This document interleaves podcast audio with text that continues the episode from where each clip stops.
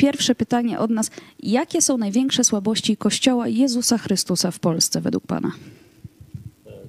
Witam serdecznie. Wydaje mi się, że jako, my, jako chrześcijanie, y, jesteśmy bardziej zajęci budowaniem własnego dobrobytu niż budowaniem Bożego Królestwa. Y, I wydaje się, że można by o nas powiedzieć, y, że troski i łuda bogactwa po prostu zagłuszają Boże Słowo, które zostało w nas zasiane.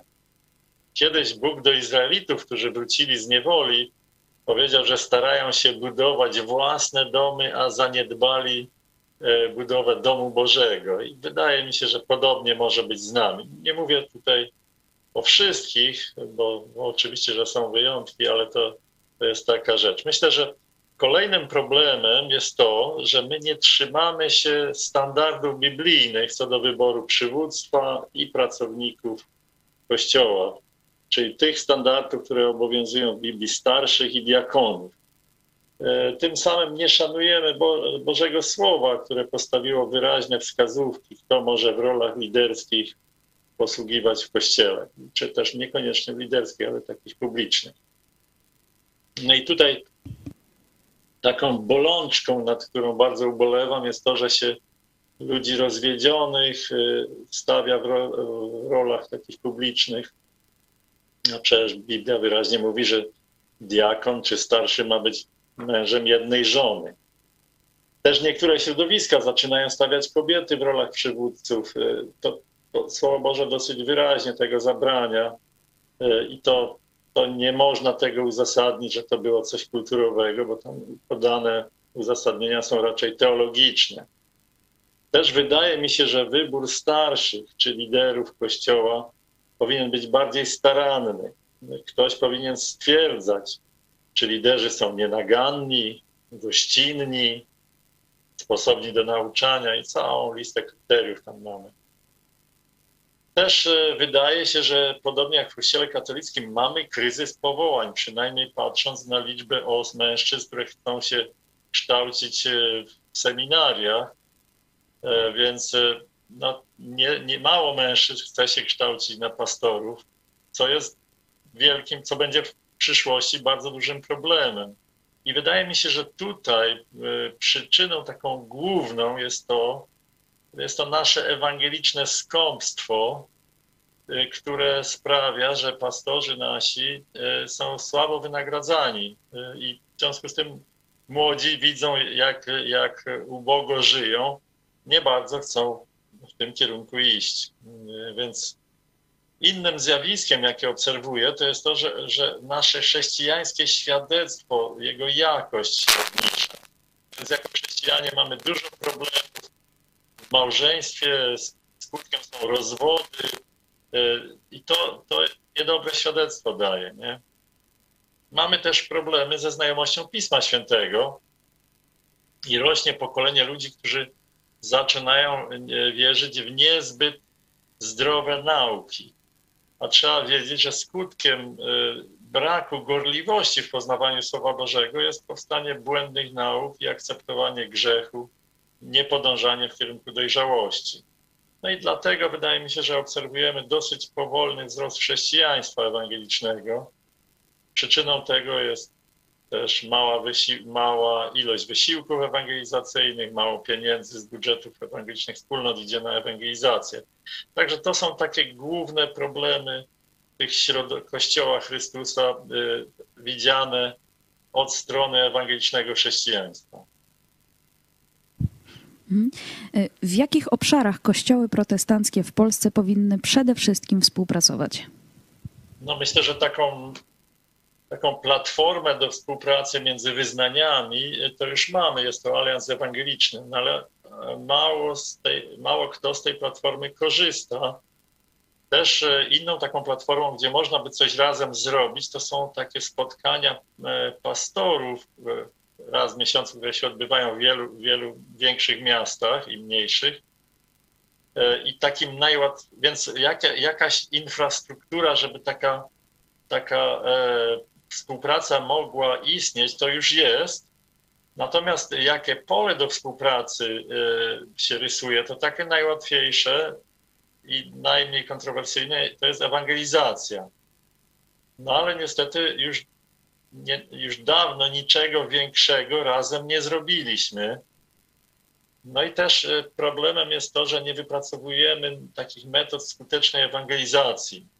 I to, to jest duży problem, bo jak się nie ma takich metod skutecznej ewangelizacji, to też robienie czegoś, co nie za bardzo działa, y, no, nie motywuje ludzi, żeby to ponownie robić. Dlatego, dlatego tutaj trzeba by naprawdę starać się razem budować jakieś, jakieś właściwe do danych czasów, do obecnych czasów metody ewangelizacji. To też może być ciekawe pole współpracy kościołów protestanckich też obserwuję dosyć niską jakość formacji chrześcijańskiej. Nie mówię tu o formacji osób, które kształcą się na duchownych, tylko ogólnie wszystkich chrześcijan. Nie? Nie, za mało jest trochę takich materiałów, które by pomagały w takiej długoterminowej chrześcijańskiej formacji. I to też mogłoby być jakieś inne pole do współpracy. na ten temat więcej myśli nie ma. E, dziękuję bardzo. E, jeszcze jakie możliwości ewangelizacyjne wynikają z obecności 3 milionów uchodźców z Ukrainy, w tym e, również wielu chrześcijan? No więc tutaj myślę, że spora to jest, to jest niesamowita okazja dla polskiego kościoła, dlatego że człowiek, który znajduje się w bardzo trudnej sytuacji, on jest o wiele bardziej otwarty na Boga niż człowiek, któremu nic nie brakuje. Dlatego uchodźcy to bardzo dobra grupa odbiorców Ewangelii i wydaje mi się, że należy do nich podchodzić mądrze, sercem i miłością, a nie instrumentalnie. Więc e, taka praca ewangelizacyjna, ona powinna być tylko wycinkiem takiej szerszej pracy pomocowej, która powinna skupiać się na pomocy praktycznej, psychologicznej i duchowej no ci ludzie potrzebują e, schronienia i cieszę się, że bardzo wielu z nich znalazło schronienie w polskich rodzinach, czy tam w jakichś ośrodkach polskich. Następnie potrzebują pracy. Jeżeli tutaj mają zostać na dłużej, a wydaje się, że będą musieli zostać dłużej, to potrzebują pracy, a żeby mieć pracę, to ponieważ no to kobiety i dzieci potrzebują opieki do dzieci, ale też potrzebują radzenia sobie z traumą, uczenia się języka, jakiejś takiej pomocy praktycznej, wynajęciu mieszkania, jak już zaczną zarabiać y, i będą mieli y, odpowiednie przychody. E, więc e, no i też potrzebują środowiska, w którym, którym to środowiskiem powinien być Kościół. Więc Ewangelia może być przekazywana przez lekcje języka, przez y, kursy radzenia sobie z traumą, w trakcie różnego rodzaju spotkań szkoleniowych dotyczących, nie wiem, rynku pracy czy czy nabycia jakichś nowych kwalifikacji.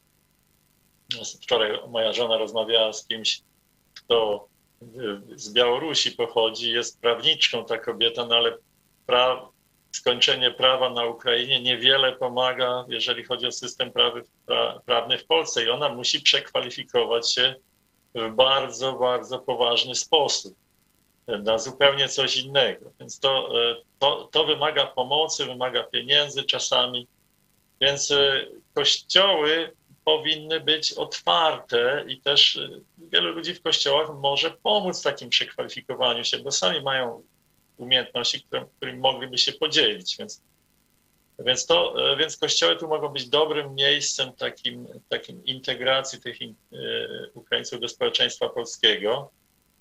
No i warto zadbać o integrację z Kościołem, więc w związku z tym kościoły powinny otworzyć się na uchodźców, zorganizować tłumaczenia na ukraiński, czy rosyjski, czy oba te języki, tak żeby ci goście by, poczuli się u nas y, w naszych wspólnotach zaopiekowani.